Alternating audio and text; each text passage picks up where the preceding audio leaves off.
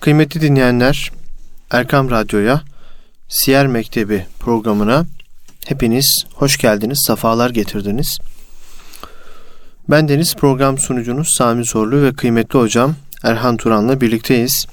Siyer Mektebi programında bu hafta hicretin 7. senesini konuşmaya başlayacağız ve Peygamber Efendimiz sallallahu aleyhi ve sellemin artık hükümdarları da İslam'a davet etmesi e, meselesini konuşacağız. Davet etmeye başlamasını konuşacağız. Bu hafta inşallah kıymetli hocam Erhan Turan'la birlikte. Hocam hoş geldiniz, sefalar getirdiniz. Hoş bulduk, teşekkür ediyorum. Allah razı olsun, sefalar verdiniz. Çok Sizlerden de hocam. Ha. Az önce de ifade ettiğimiz gibi e, hicretin 7. senesinde artık Peygamber Efendimiz gerek mektuplarla gerekse bizatihi elçileri göndererek ziyaretçilerle ziyaretçilerle diğer e, ülkelerin, devletlerin hükümdarlarını İslam'a davet ediyor. Böyle bir usul izliyor Peygamber Efendimiz hicretin 7. senesinden itibaren. Bu hafta izniniz olursa bu mevzuyu konuşalım ki zaten İnşallah. muhterem Osman Nuri Topbaş Hoca Efendi'nin kaleme almış olduğu kitabı takip ediyoruz. İki ciltlik Erkam yayınlarından çıkan Hz. Muhammed Mustafa sallallahu aleyhi ve sellem bir Medine, bir Mekke, iki Medine devri kitabının ikincisindeyiz ve hicretin yedinci senesindeyiz. Burada mektuplar var. Peygamber Efendimizin hükümdarları göndermiş olduğu mektuplar var. Bu mektuplar niçin önemlidir? Bu mektupların üslubuna baktığımızda, bu mektupların içerisindeki muhtevaya baktığımızda aslında bir bir şey öğretiyor bize Peygamber evet. Efendimiz bu evet. mektuplarla bile. Buradan bu zaviyeden bakarsak neler söylersiniz hocam? Teşekkür ediyorum. Allah razı olsun. Euzu billahi mineşşeytanirracim. Bismillahirrahmanirrahim. Elhamdülillahi Rabbil alemin ve salatu ve selamu ala Resulina Muhammedin il emin ve ala alihi ve ashabihi ecma'in. Tabi artık Efendimiz Aleyhisselatü Vesselam hicretin 6. senesinde Hudeybiye anlaşmasını imzaladıktan sonra müşriklerle e, malumumuz bir rüya ile e, Hazreti Peygamber'e Kabe'yi tavafı bildirilmişti. Neticede de bir Hudeybiye anlaşması yapılmıştı ve bir orada Beyatü Rıdvan da vardı. Bir akit de yapılmıştı sahabe arasında. Resulullah Aleyhisselatü Vesselam Hudeybiye'yi imzaladıktan sonra artık müşriklerden gele, gel, gelebilmesi muhtemel. Artık e, bir savaş endişesini ortadan kaldırmış oldu. Biraz daha fikri olarak rahatlamışlardı. Ancak bu bir e, günümüz ifadesiyle bir tatil, izin ya da biraz ara veriyoruz edası değil. Aslında yeni bir hareketin başlangıcıydı. Tabii ki hem toparlanma hem de yeni bir hareketin başlangıcıydı. Yani Efendimiz Aleyhisselatü Vesselam Medine'de Medine'ye gelenlere İslam anlatıyor. Medine'ye gelenlere tebliğde bulunuyor. Müşriklerle mücadeleleri var. İşte Yahudilerle mücadeleleri var. Ama bunun dışında bir sınır dışı ya da Medine dışında bir harekatı henüz olmamıştı. Olduysa da bu ziyarete gelenler üzerindendi. İşte Necran heyeti geldiyse ya da ne bileyim bir Devs heyeti geldiyse, başka bir heyet geldiyse bu heyetlere Efendimizin tebliğleri vardı. Hı hı. Yalnız burada artık Efendimiz bunu da bir imkan bilip müşrikler müşrikten karadından gelecek olan o tehditleri, saldırıların da sonlandığına artık kanaat ettikten sonra asıl gaye ayet-i kerimedeki estaizu billah ifadesiyle estaizu billah ve ma ersenlake illa kâfeten linnâsi beşiran ve nediran. Velakin ekseran nâsi la ya'lemûn sadakallahu azim burada seni bütün insanlar için bir müjdeci ve Allah'ın azabına karşı uyarıcı olarak gönderdik buyuruyor Cenab-ı Hak. Lakin insanların pek çoğu bunu bilmezler. Yani Efendimiz artık tüm insanlığın peygamberi olduğunu burada bize gösteriyor. Hı hı. Mektuplar yazdırıyor. Bu mektuplar aslında birer davetname. Yani İslam'a davetin karşılığı e, bir siyaset, bir politik belge bunlar aslında birer siyasetname diyebiliriz adına. Bir tebliğ mektubudur ve mektuplar bir risale hüviyetindedir. Yani çok uzun uzun böyle sayfalarca dolu değil. Yani bir mektup düşünün. İşte sadece Peygamber Efendimizin tebliğdeki gayesi la ilahe illallah, kendi e, peygamberliği Muhammed Resulullah ve ardından oradaki muhataba İslam'a girmesi üzere tebliğ. Ama buradaki muhatap devlet başkanı olduğu için artık Medine bir site devleti olmaktan bir devlet olma hüviyetine geçiyor. Yani bir kabileden devletçiliğe ya da bir kavmiyetten milliyetçiliğe yani millete diyelim milliyetçilik yanlış bir ifade olur. Bir kavimden millete yani artık bir ortak bir kültür, hı hı. ortak bir yaşayış alanı olan, hayat alanı olan ve bir ümmet olmanın aslını ortaya koymanın adı aslında bu. Efendimiz Aleyhisselatü Vesselam tüm insanlığın peygamberi olduğunu aslında bu mektuplarla ayetinde tezahürünü bize ortaya koymuş oluyor. Emri ilahi tabi. Efendimiz Aleyhisselatü Vesselam burada kendi bir tercihi ya da kendi ihtiyarıyla elbette ki tebliğ yapacak ve tebliğin sair milletlere de ulaştırılması esası vardır ama emri ilahi de buna bir usul tayin ediyor. Yani Hazreti Peygamber'e kul ya eyyühen nas diyor. Yani böyle söyle ey insanlar inni Resulullah ileykum. Ya ben sizin tamamınıza Allah'ın Resulü olarak gönderildim. Cemi'an illezî lehu mulku semâvâti Yani ileykum cemi'an illezî. Buradaki bütün insanlara gerçekten sizin peygamberinizin göklerin ve yeri sahibi olan Allah'ın peygamberiyim. O Allah'ın elçisiyim vurgusunu da yaparak Araf suresindeki haliyle Hazreti Peygamber'e ne ifade ettiğini Kur'an bize gösteriyor. Bir de yine bir tanım yapıyor Cenab-ı Hak Maide suresinde. Estaizu billah ya eyyüher rasul belliğ ma unzile ileyke min rabbik.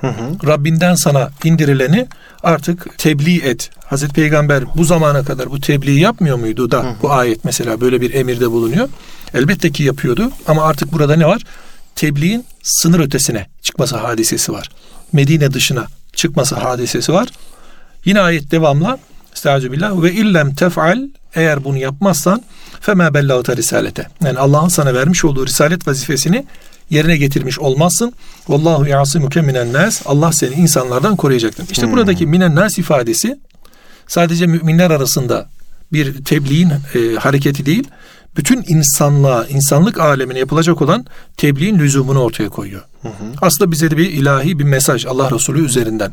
Yani Müslümanın bütün insanlığın derdinde olması gerekiyor. Bütün beşer nezdinde sadece burada ümmet ifadesi Allah Resulüne izafe edilir. Ama Allah Resulü kendisine tabi olanların yanında tabi olmayanlara da tebliğde vazifelidir. Hı hı. Bu bize de aynı zamanda bir işarettir. Evet. Hocam tam burada şimdi niye hicretin yedinci senesi diye sorsam. Yani bir tebliğ üslubunun oturması mı var burada? Elbette tekamül var hocam. Hmm. Buna tedricilik diyebiliriz. Şimdi Allah Resulü Aleyhisselatü Vesselam Mekke döneminde böyle bir tebliğ yapamıyordu. Yaptığı tebliğ neydi Mekke'de? Beni memleketinize götürün. Allah'ın La ilahe illallah düsturuyla yani Allah'tan başka ilah hı yoktur'u kabul ederek benim de peygamberi olduğumu kabul ederek beni memleketinize götürün. Ben orada İslam'ın tebliğinde bulunayım. Yani iki muhafaza var. Hem e, tebliği tevhid manasında muhafaza ediyor bir de kendisini muhafaza ettiriyor. Hmm. Neden? Çünkü kendisine bir anlam yüklenmiş. Allah tarafından ve işte beynahum dedi yani tercih edilmiş. Evet. Allah Resulüne bir misyon, bir e, vazife yüklenmiş. O vazifeyi yerine getirmek için yoksa Efendimiz Aleyhisselatü Vesselam bu vazifeye kadar Mek- Mekke'de rahatsız edilen bir insan değildi. Yani Efendimiz Aleyhisselatü Vesselam Estağfirullah Festar bima tu'mer geldikten sonra artık emrolunduğunu insanlara inzar et, anlat ve enzir aşiretekel akrabin e, yakınlarından başla ayetleri geldikten sonra rahatsız edilmeye başlandı.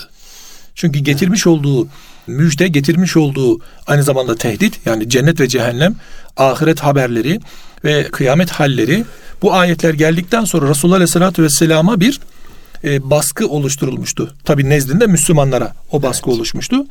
Bir zemin oluşmamıştı. Bu zemini oluşturmak için Allah peygamberine hicreti emretti. Resulullah Aleyhisselatü Vesselam Mekke'den Medine'ye hicret ettikten sonra yine dışarıya yani diğer milletlere, diğer devletlere, devlet başkanlarına teveccüh etmiyor bu noktada. Gelirse, tanırlarsa, tanışırlarsa anlatıyor. Bir vesile olursa o vesileden Allah Resulü Aleyhisselatü Vesselam hemen istifade edip onlara e, dini takdim ediyor. Ancak bir elçi göndereyim, mektup göndereyim henüz yok. Sebep daha zemin oturmadı. Ne vardı orada? İşte bakıyorsunuz müşrikler hala hareket halindeler. Hı hı. İşte Bedir Savaşı var. O hareket bitmiyor. Uhud Savaşı var. Hareket bitmiyor. Hendek Savaşı var. Hareket bitmiyor. Arada Yahudilerle olan ne diyelim anlaşmalar kendi aralarında yapmış hı hı. olduğu ihanet anlaşmaları var. Bunları yan yana koyduğumuzda Resulullah Aleyhisselatü Vesselam bir tekamül evresi gibi yani bir tedricilikle toplumun altyapısının buna hazır olmasını bekliyor bekledikten sonra da artık Hudeybiye anlaşmasıyla bir garanti ortaya çıkıyor. Hmm. Çünkü bir anlaşma yapılacak. O anlaşma 6. senede imzalanacak. Artık şartlar oluşmuş olacak. Yani meyve olgunlaşacak ve toplanması gerekecek. Evet. Resulullah Aleyhisselatü Vesselam bunun akabinde kendisine düşen diğer vazifeye başlıyor. Evet. Hocam siz derslerimizde hatırlıyorum şöyle bir ifade kullanmıştınız bu konuyla alakalı. Şimdi sizin bu bahsetmiş olduğunuz biraz daha bu işin siyasi ayağı. Evet. Yani Peygamber Efendimizin hem güvenlik hem de siyasi olarak zemini oluşmasını beklediği için. Evet. Bir de e, şu var değil mi hocam? Şimdi Mekke döneminde biz Peygamber Efendimizin daha çok akidevi konuları ele aldığını görüyoruz. İmani tekamül. İmani Doğru. tekamül. Ama Medine'ye geldiğinde biraz daha mua- muamelatla Evet. alakalı, biraz daha insanlarla ilişkilerimizle alakalı zeminleri oturtmaya başladı. Evet. Bu sürecin de dolmasını mı bekledi biraz? İkisi yani? bir arada hocam. Hmm. İkisi bir arada. Hem toplum bu noktada farkındalığını artırıyor, iman yerleştiriyor, tekamül Hı hı. oluşuyor. Ee, hem de o tehditler ortadan kalkmış oluyor, imkan oluşuyor. Yani günümüzde de mesela bu toplumun bir iman ve İslam zemini üzere oturması için önce akidesinin sağlanması gerekiyor. Evet. Yani oradaki Efendimiz'e sorduklarında ya Resulallah nasıl olayım denildiğinde kul amentu billah hı. Yani amentü bil Allah'a iman ettim de yani akiden bir düzgün olsun sonra istikamet üzere devam et. O zaman başarı gelecek arkasından ve rızayı ilahi gerçekleşmiş olacak.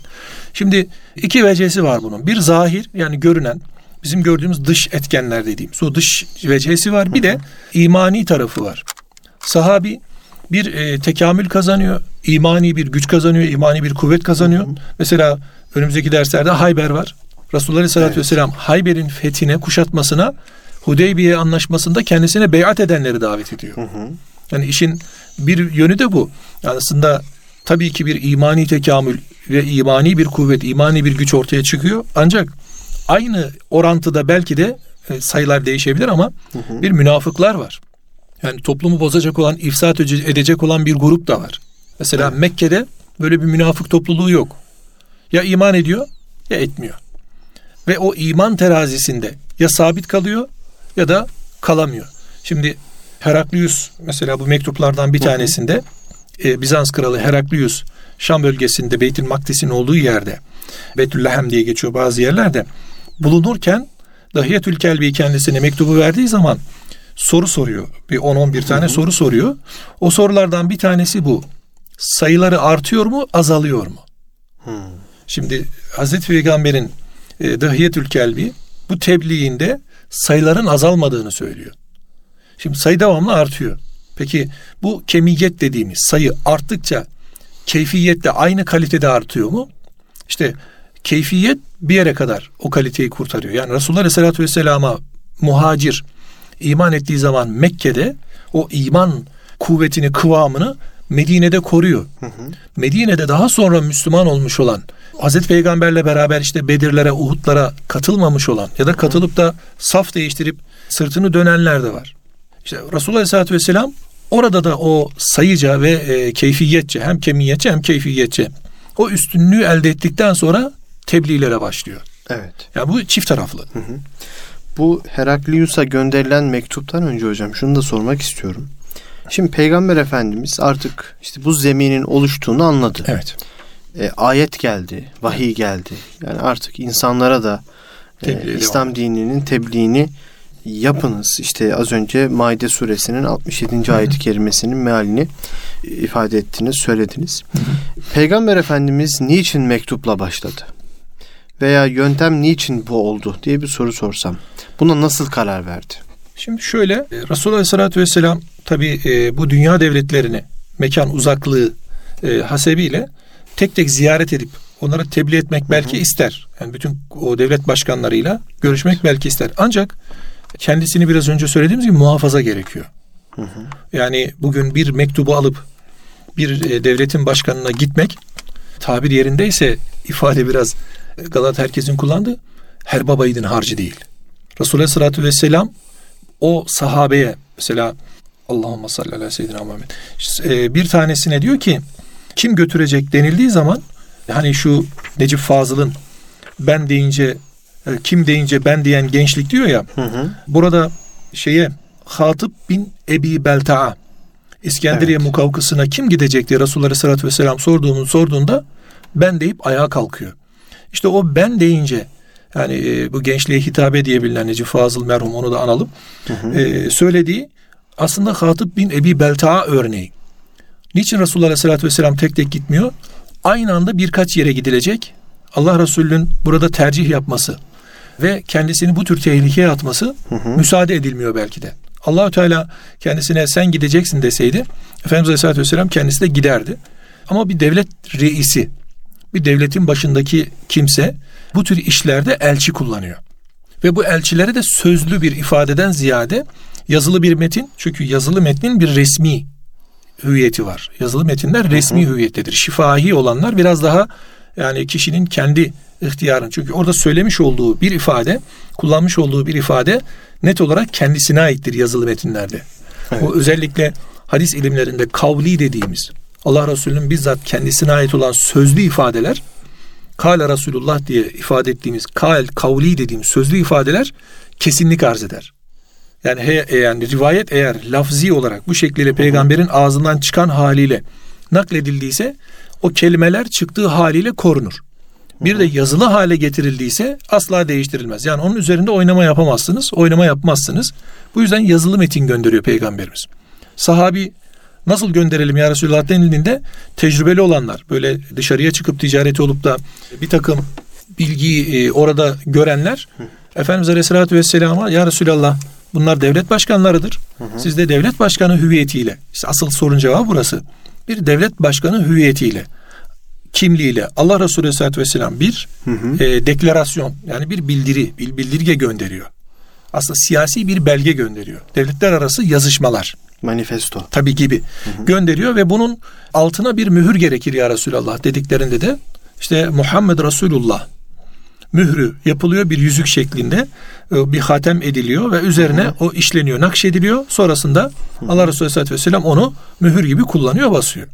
Peki bunun için önemli işte biraz önce dediğimiz gibi yavaş yavaş bir e, tekamül gerek tekamül oluşuyor hı hı. ve bu tekamülde devlet olmanın gereği, devlet başkanı olmanın gereği ve devlet başkanı olma kimliğinin nasıl kullanılması gerekiyorsa o ihtiyaç üzere artık zemin devlete dönmeye başlıyor. Bu sebeple peygamberimiz tek tek bütün o devlet başkanlarına kendisi gitmiyor. Hı hı. Elçi gönderiyor. Bu devlet başkanlığı refleksidir, hareketidir. Bir diğeri de mektup gönderiyor, nameler gönderiyor. Bunlar da bir siyasi hı hı. belge hüviyetindedir. Altına da mühür vuruyor. Bu da siyasi belgenin ispatıdır, İmzası. imzasıdır. Eyvallah. Bu mektuplardan bir tanesini konuşsak hocam. Şöyle ee, arzu ederseniz genel olarak mektupların şeyini bir yapalım, tahlilini tamam, yapalım. Buyurun. Sonrasında eğer vaktimiz yeterse e, Heraklius'un aldığı mektuba e, değerlendirmesi bakalım. var. Ona bakalım. Etmezse bir dahaki derse bırakalım isterseniz orasını. Buyurun. Ama genel olarak e, ne oldu onlara bir bakalım. E, en azından bir risale mantığı otursun zihnimize. Şimdi Efendimiz Aleyhisselatü Vesselam bu e, mektuplardan bazı kaynaklarda altı bazı kaynaklarda sekiz adet elimizde vardır diye söylüyorlar. Biz daha fazla olduğunu e, görüyoruz bazı yerlerde. Çünkü Efendimizin elimize geçen metinlerine baktığımızda bu sayı 6-8 arası görülüyor. Ama e, sair devletlere gönderdiği başka işte küçük kabilelere gönderdiği metinler de var. Onlardan kimisi elimize geçmiş, kimisi geçmemiş. Bu yüzden net bir sayı yok bu noktada. Yani sayı şu kadardır diyemiyoruz. E, Resulullah Aleyhisselatü Vesselam başta söyledik Bizans kralı Heraklius'a Dihyetül Kelbi'yi gönderiyor. İran kralı Mukav şey e, Kisra'ya Abdullah bin Huzafe'yi gönderiyor. Habeşistan Necaşisi'ne Amir bin Ümeyye'yi gönderiyor. İskenderiye'deki Mukavkıs'a Hatip bin Ebi Belta'yı gönderiyor. Hatta hı hı. bu Hatip'in mektubundan sonra e, Mukavkıs'ın bir takım soruları olup akabinde bir mektup yazıp peygamberimize tekrar bir rucu dönüşü var. Akabinde Efendimizin bir mektubu daha var ona gönderdiği. Hı. Aslında iki mektup ayrı ayrı zamanlarda gitmiş Elçiye ikramlarda bulunuyor. Tabii ki Hı. ikramlarda bulunuyor. Bunları konuşacağız. Hı. Ee, bir diğeri e, Suriye'de Gassani İmparatorluğu Krallığı vardı. Orada Haris bin Ebu Şemir vardı başlarında. Ona da Efendimiz Şuca bin Vehbi gönderiyor. Yine Yemame'de Havzeb vardı. Havzeb, Havze bin Ali vardı. Bunu ona da Sedid bin Umeyr gönderiliyor. Ee, bunun dışında işte birçok ünlü ve nüfuzlu kimselere yani çevresine etki edebilecek kimselere, Hristiyanlara, Yahudilere ve Mecusi olan topluluklara Efendimiz peyderpey mektuplar gönderiyor. Onların İslam'a davetine, İslam'a ulaşması için. Burada önce tabi Heraklius meselesi var. Onu başka bir konu olarak işleyelim. Hı hı. E, Heraklius'a Dahiyetül Kelbi gidiyor. Kısaca şöyle söyleyip geçelim. Dahiyetül Kelbi mektubu kendisine verdiği zaman tabi Heraklius o vakitte Şam seferi üzerindeydi. Perslerle bir savaşı vardı. Hı hı. Akabinde Şam'a uğram. Şam dediğimiz bugünkü Suriye'nin başkenti işte Damaskus, Damaskus diye geçen hı hı. bu Şam değil. Şam bölgesi. O bölgede de Filistin toprakları hı hı. içerisinde Beytül Makdis içerisinde karşıladı ve orada sorular sordu. Ama bu soruları da sorarken e, önce bir tespit yaptı. Dedi ki aranızda bir bakın bakalım bu mektubun sahibini yani Hazreti Peygamber'i işaretle tanıyan, bilen kim var diye bir araştırın diye sordu. Yanındaki askerlerini araştırdılar. Bir kervan gelmişti Mekke'den. Hazreti Peygamber'in amcası Ebu Süfyan başlarındaydı. Hı. Ebu Süfyan o zaman Müslüman değil. Hı.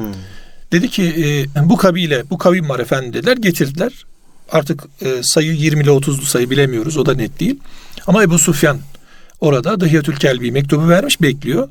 E, Heraklius aranızda diyor o ka, ka, şeye e, kervana aranızda bu mektup sahibine nesep olarak soy olarak en yakın kim var?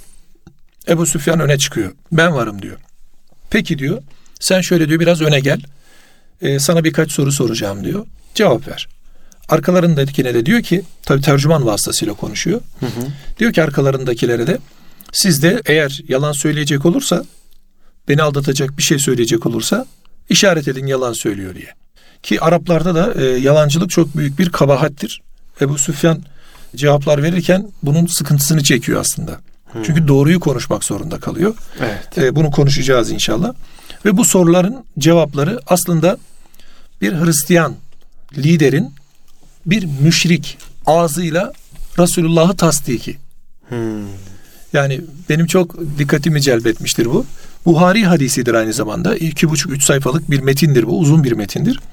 Konu anlatılırken sorulan sorular ve bu sorulara verilen cevaplar çok e, dikkati caliptir. Buna dikkat etmek lazım. Bunu konuşacağız inşallah. Eyvallah. Ama onun öncesinde biz devam edelim. Abdullah bin Huzafe'yi İran kişi sırasına göndermişti Efendimiz Aleyhisselatü Vesselam. E, Heraklius gibi yapmadı o. Heraklius dinledi, anlamaya çalıştı, sorular sordu, anlam vermeye çalıştı vesaire ama iman etmedi. Ama İran Kisrası hakaretler etmeye başladı. Hı hı. Bağırıp çağırmaya başladı. Hatta nameyi aldı, o mektubu aldı, paramparça etti, parçaladı, attı. Resulullah Aleyhisselatü Vesselam'a Abdullah bin Huzafe çok üzüldü. Hatta kendi kendine yani ben bana düşeni yaptım herhalde. Yani bundan sonra ben ne yapabilirdim ki diye. Yani suçlanmış kendisince. Hmm. Yani ben bu mektubu götürdüm vazifemi yerine getirmedim mi acaba diye. Ancak ya ölecektim ya kurtulacaktım diyor Abdullah bin Huzafe. Akabinde de e, her halükarda ben gereken bana düşen vazifeyi yerine getirdim. Ona da mektubu ulaştırdım. O ister kabul etsin ister kabul etmesin diye söylene söylene Efendimiz'e geldi. Efendimiz'e anlattı. Dedi ki ya Resulallah ben mektubu Kisra'ya verdim ama Kisra paramparça etti, hakaretler etti. Efendimiz Aleyhisselatü Vesselam çok üzüldü. Arkasından şöyle bir beddua etti. Dedi ki ya Rabbi Allah'ım sen onun mülkünü o nameyi parçaladığı gibi parça parça et. Hmm. Daha sonrasında Efendimizin bu duası Hazreti Ömer'in halifeliği zamanında üç savaş var orada. Kadisiye, Celula ve Nihavent savaşları var. Neticesinde Fars düşmüş oldu ve İslam'a katılmış oldu. Yani Hazreti Peygamber'in söylemiş olduğu hadise yakın bir zamanda kaç yıllarında 15, 16 ve 21. yıllarda. Yani Efendimiz Aleyhisselatü Vesselam'dan 6, 7, 8 sene sonra kadar gerçekleşmiş oldu. Kisra hatta bu halden sonra İran Kisrası e, Bazan'a o Yemen valilerinden bir tanesiydi mektup gönderdi. Hı hı. Dedi ki git Muhammed'le görüş hatta onu da bana al getir dedi. O da kalktı Hazreti Peygamber'in yanına geldi. Hazreti Peygamber'e olayı anlatınca Resulullah Aleyhisselatü Vesselam ona dedi ki sen beni bırak dedi. Ben sana bir şey söyleyeceğim. Beni iyi dinle dedi. Şu an dedi şu saatte şu tarihte şurada Allahü Teala Kisra'nın oğlunu Şirevey adı kendisine musallat etti. O da babasını katletti. Şu an hükümdar o oldu. Sen diyor bunu önce hallet. Bunu önce bir netleştir diye Efendimiz ona bir e, icazla mucizesini gösteriyor. E, Tabi bazen diyor ki diyor ki ya Muhammed diyor bana bunu yazıp verebilir misiniz diyor. Efendimiz Aleyhisselatü Vesselam da şöyle bir ona name yazıyor, mektup yazıyor. Eline veriyor. Diyor ki evet diyor ben işittiklerim, ben benden işittiklerimi ona haber ver diyor. Hem de ona deyin ki diyor ben dinde hakikatte ve hakimiyetteyim.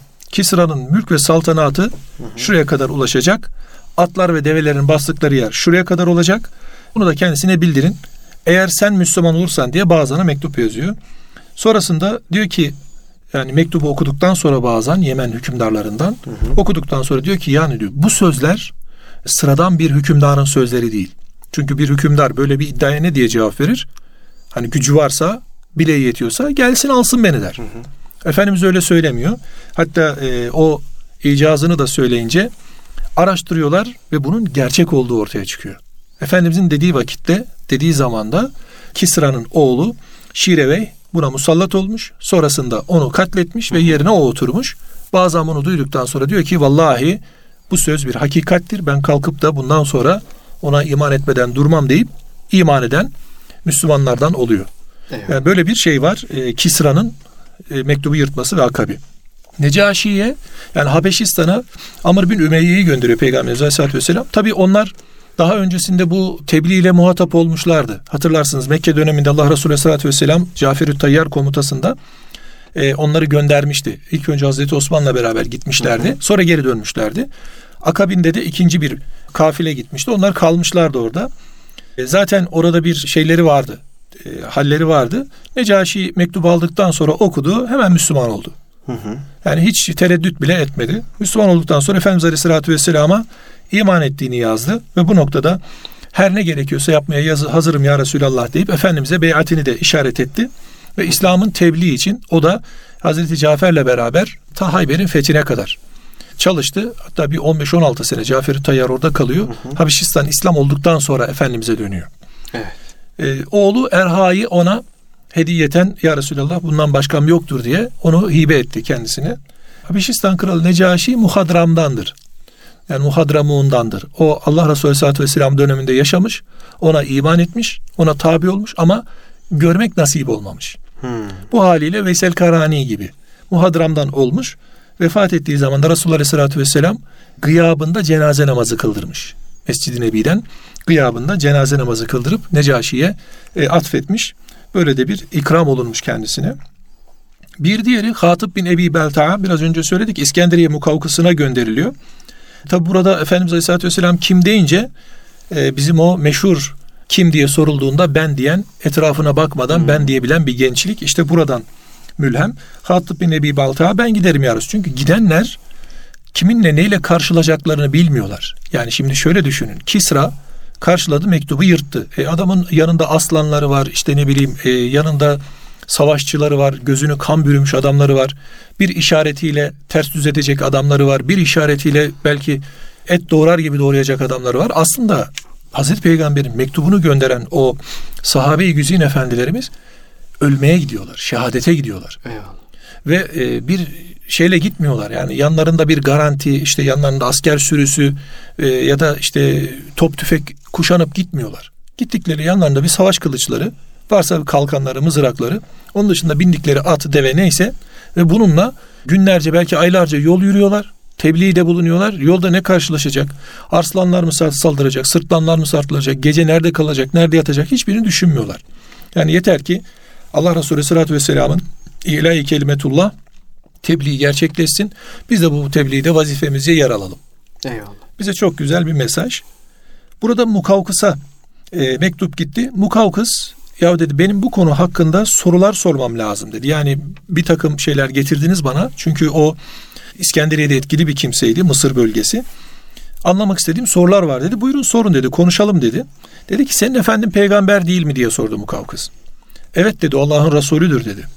Peki dedi madem böyle bir peygamberdi dedi. Kendi öz yurdundan çıkarıldığı zaman yani başka bir memlekete gitmeye zorlandığı zaman niye beddua etmedi dedi. Hmm. Allah'a dua etseydi işi olsaydı olmaz mıydı dedi. Şimdi bakın hatıbın cevabı ne kadar güzel. Diyor ki sen Hazreti İsa'nın yani İsa bin Meryem'in Allah'ın peygamberi olduğuna şehadet eder misin dedi. Mukavkıs elbette ederim dedi. Niyet miyim dedi. O dedi Allah'ın peygamberidir dedi. O zaman dedi ben sana şöyle bir soru sorsam dedi. Hani kavmi onu asmak için yakalayıp çarmıha gelecekleri zaman kendisi dünya semasından uruc ettirildi, yükseltildi. E kavmini helaki için Allah'a dua etse olmaz mıydı dedi. Böyle deyince Kavkız söyleyecek söz bulamadı. Çünkü Çok akıllıca, hikmetlice bir cevap bu. Çünkü Efendimizin tercihlerinden birisi de buydu. Böyle aklı başında İslam'ı iyi anlamış, iyi kavramış, özüne vakıf olmuş, ne olduğunu karşısındakini anlatabilecek insanları tercih ediyor. Diyor ki tekrar et, tekrar edince güzel söyledin, güzel adamsın ve yerli yerince konuşuyorsun dedi. Mukavkısın teş- tesbihiti ve teşbih. Bu çok önemli. Ee, sonrasında diyor ki senden önce diyor bir başka adam burada peygamberliğini iddia etti. İşte Hazreti Peygamber Hazreti Musa'nın Firavun'la olan mücadelesini hatırlatıyor bu kavgası. Firavun da böyle bir şeyde bulundu ama dünyada ahirette ceza yedi. Ne dersin dedi. Ona da işte e, aynı yerli yerince cevap verildi. Arkasından dedi ki Mukavkıs bizim dedi dinimizden daha hayırlısını görmedikçe biz diyor itiba etmeyiz. İttiba etmeyiz dedi Mukavkıs. Yine e, hatıp İslam senin bağlı bulunduğun dinden kesinlikle daha üstündür. Biz seni allah Teala'nın insanlara din olarak seçtiği İslam'a davet ediyoruz. Muhammed Mustafa sallallahu aleyhi ve sellem sadece seni değil, bütün insanlığı İslam'a davet ediyor. Ve onlardan kendisine karşı en katı ve en kaba davrananlar Kureyşliler oldu. Yani yakınları oldu. Evet. En çok düşmanlığı Yahudiler yaptı. Yalnız Hristiyanlar bu noktada daha yakınlık gösterdiler deyip onu da yine böyle damarından alıyor tabirlerindeyse. Akabinde diyor ki ben bu dini ve peygamberlerin dinini inceledim. Bu peygamberin gördüm ki diyor dünyadan ele tek çekilmesi emredilmiyor. Ve evet. dünyadan istifade de burada noksan kılınmıyor.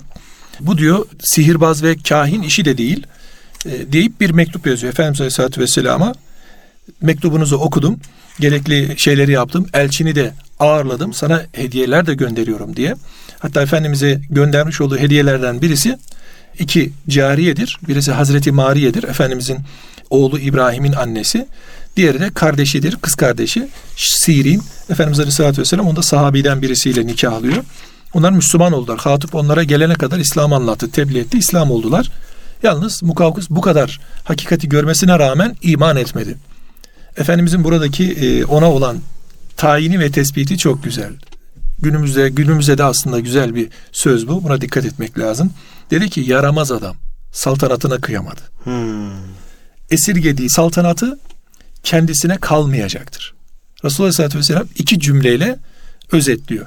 Demek ki nam, şan, şöhret, makam, mevki, işte insanların hedeflediği o dünyaya ait olan hadise neyse bunlar kişinin esirgemesine mani olan şeyler imanına da mani oluyor. Yani dünya hayatının faniliğini, nefsinde fanili olan asiliğini görmezden geliyor.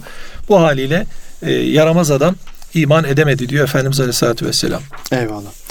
Hocam mektubu da konuşmaya devam edeceğiz ama süremizin sonuna geldik. Bitirdik mi hocam? Bu haftayı bitirdik hocam. Subhanallah. Peki. Ee, Peygamber Efendimiz sallallahu aleyhi ve sellemin göndermiş olduğu İslam'a davet mektupları. İslam'a evet. davet mektuplarının e, ilk aşamalarını konuşmuş olduk aslında. Yani mektuplar giderken kimler götürdü ve hangi ülkeye, hangi devlete götürüldüğünde ne gibi tepkilerle karşılaşıldı.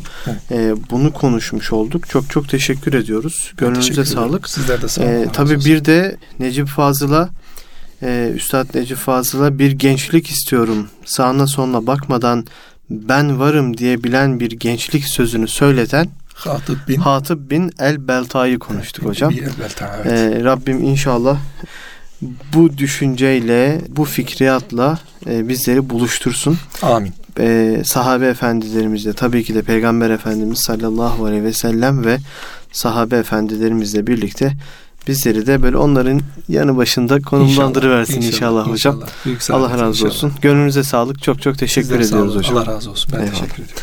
Kıymetli dinleyenler Erkam Radyo'da Erhan Turan hocamla birlikte Siyer Mektebi programındaydık.